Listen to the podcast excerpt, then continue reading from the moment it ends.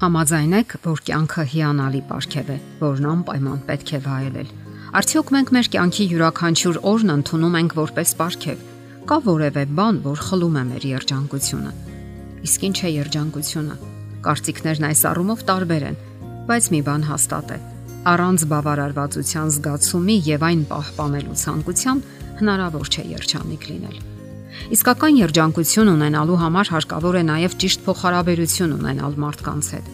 Մենք երջանիկ կարող ենք լինել միայն այն դեպքում, եթե զգում ենք, որ սիրված ենք եւ սիրում ենք։ Սա առավել եւս ճիշտ է ընտանեկան հարաբերությունների առումով։ Մարդն իր զգացումների եւ հույզերի շտեմարանը լցնում կամ դատարկում է առաջին հերթին ընտանիքում։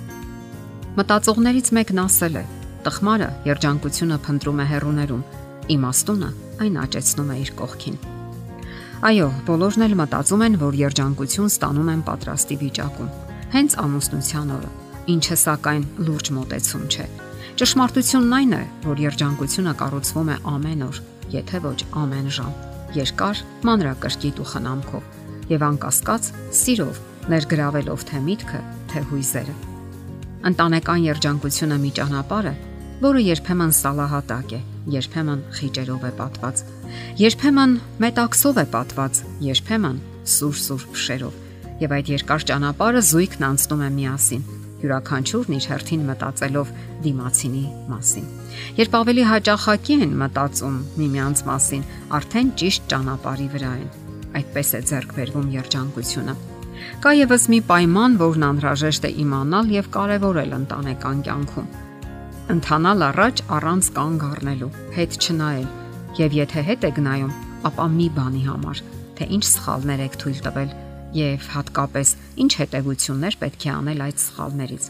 Կարևորը սխալները չեն, այլ հետեւությունները։ Բոլորն են սխալվում, սակայն շատ քչերն են ճիշտ հետեւություններ անում եւ կյանքում շահում են հենց այդ ճիշտ հետեւություն անողները։ Մենք դժվարություններից էլ չենք կարող խուսափել։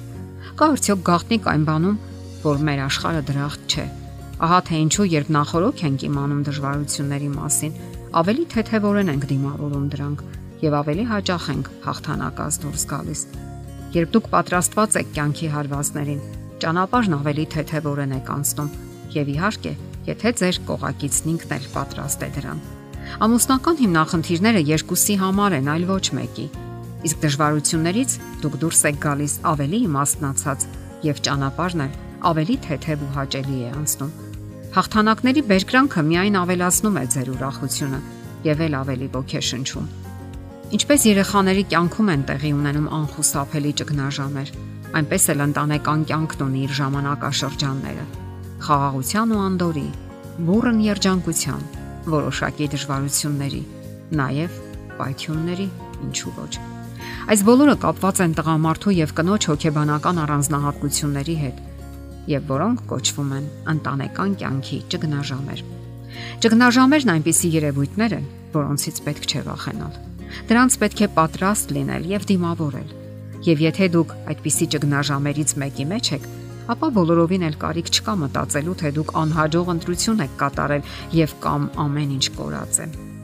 Առաջին ճգնաժամը սկսվում է համատեղ կյանքի 3-ից 5-րդ տարում Որոշ զույգեր ասում են, որ առաջին ճգնաժամը իրենց մոտ սկսվել է ամուսնությունից արդեն 1 տարի հետո։ Սակայն դա այդպես չէ։ Այդ ժամանակ իհարկե հիմնախնդիրներ առաջանում են։ Սակայն առաջին տարում, երբ զույգը դնում է համատեղ կյանքի հիմնակարերը, նրանք սկսում են տաշտշել իրար։ Եվ այն, թե ինչպես են դրվում սկզբնական հիմնակարերը, շատ բանով պայմանավորում է հետագան։ Երկրորդ ճգնաժամը տեղի է ունենում ամուսնական կյանքի 7-ից 9-րդ տարում Ճգնաժամերի ժամանակ ամուսինները պետք է հասկանան մի կարևոր ճշմարտություն։ Այն է, իրենց հարաբերությունների հիմքը կազմում են ոչ թե եսասիրական պահանջմունքները, համառելը, այլ անznազող եւ անշահախնդիր սերը, որն առաջին հերթին յուրաքանչյուր մարդ ինքն է տալիս, այլ ոչ պահանջում։ Եվ որքան գիտակից ու հոգատար լինեք, այնքան ավելի թեթևորեն կդիմանաք այդ ժամանակավոր դժվարություններին։ Երորդ ճգնաժամը տեղի է ունենում համատեղ կյանքի 13-ից 15-րդ տարում։ Ամուսիններն արդեն մոտեցել են 40-ի սահմանագծին կամ անցել են։ Այս ժամանակ բարթանում են ոչ միայն ամուսինների հարաբերությունները, այլև դրան խառնվում են երեխաների հետ ունեցած հարաբերությունները։ Երեխաները գտնվում են անցումային տարիքում եւ դա դժվար է թե երեխաների եւ թե ծնողների համար։ Եվս մեկ բարդություն է այն, որ տղամարդու մոտ այդ տարիքում տեղի է ունենում ճաշակի լուրջ փոփոխություն։ Նրան սկսում է դուր գալ այն, ինչը նախկինում բոլորովին չէր հավանում։ Այս ժամանակ ամուսինները պետք է փոխադարձաբար օգնեն միմյանց, որպիսի հաղթահարեն ճգնաժամը։ Եվ այս դժվարությունները կարողանում են հաղթահարել այն ընտանիքները, որտեղ թակավորում է սերն ու փոխադարձ հարգանքը, որտեղ ընտանիքի անդամների միջև հարաբերությունները հիմնված են անկեղծության ու վստահության վրա։ Ինչպես տղամարդիկ, այնպես էլ կանայք ամուսնության մեջ ունեն որոշակի պահանջմունքներ, որոնց բավարարումը անհրաժեշտ է երկուստեք։ Ահա մի քանիսն այդ պահանջմունքներից։ Տղամարդկանց համար սեռական բավարարում, լիակատար հանգիստ, գրավիչքին, կարգավորված կենցաղ, իր արժեքների եւ ձեռքբերումների դրական գնահատական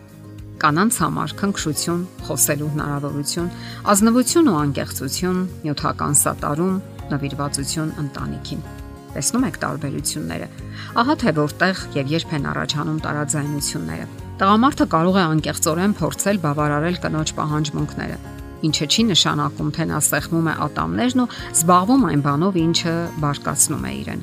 Դա պարզապես նշանակում է, որ հարաբերությունների մեջ իշխում է ոչ թե եսասիրությունը կամ միայն ստանալու ակնկալիքը, այլ անկեղծ սերը եւ դիմացինին երջանկացնելու ցանկությունը։ Երբ զույգի հարաբերությունների հիմքում ոչ եսասիրական մոտեցումներն են, նրանք արդեն երջանիկ են։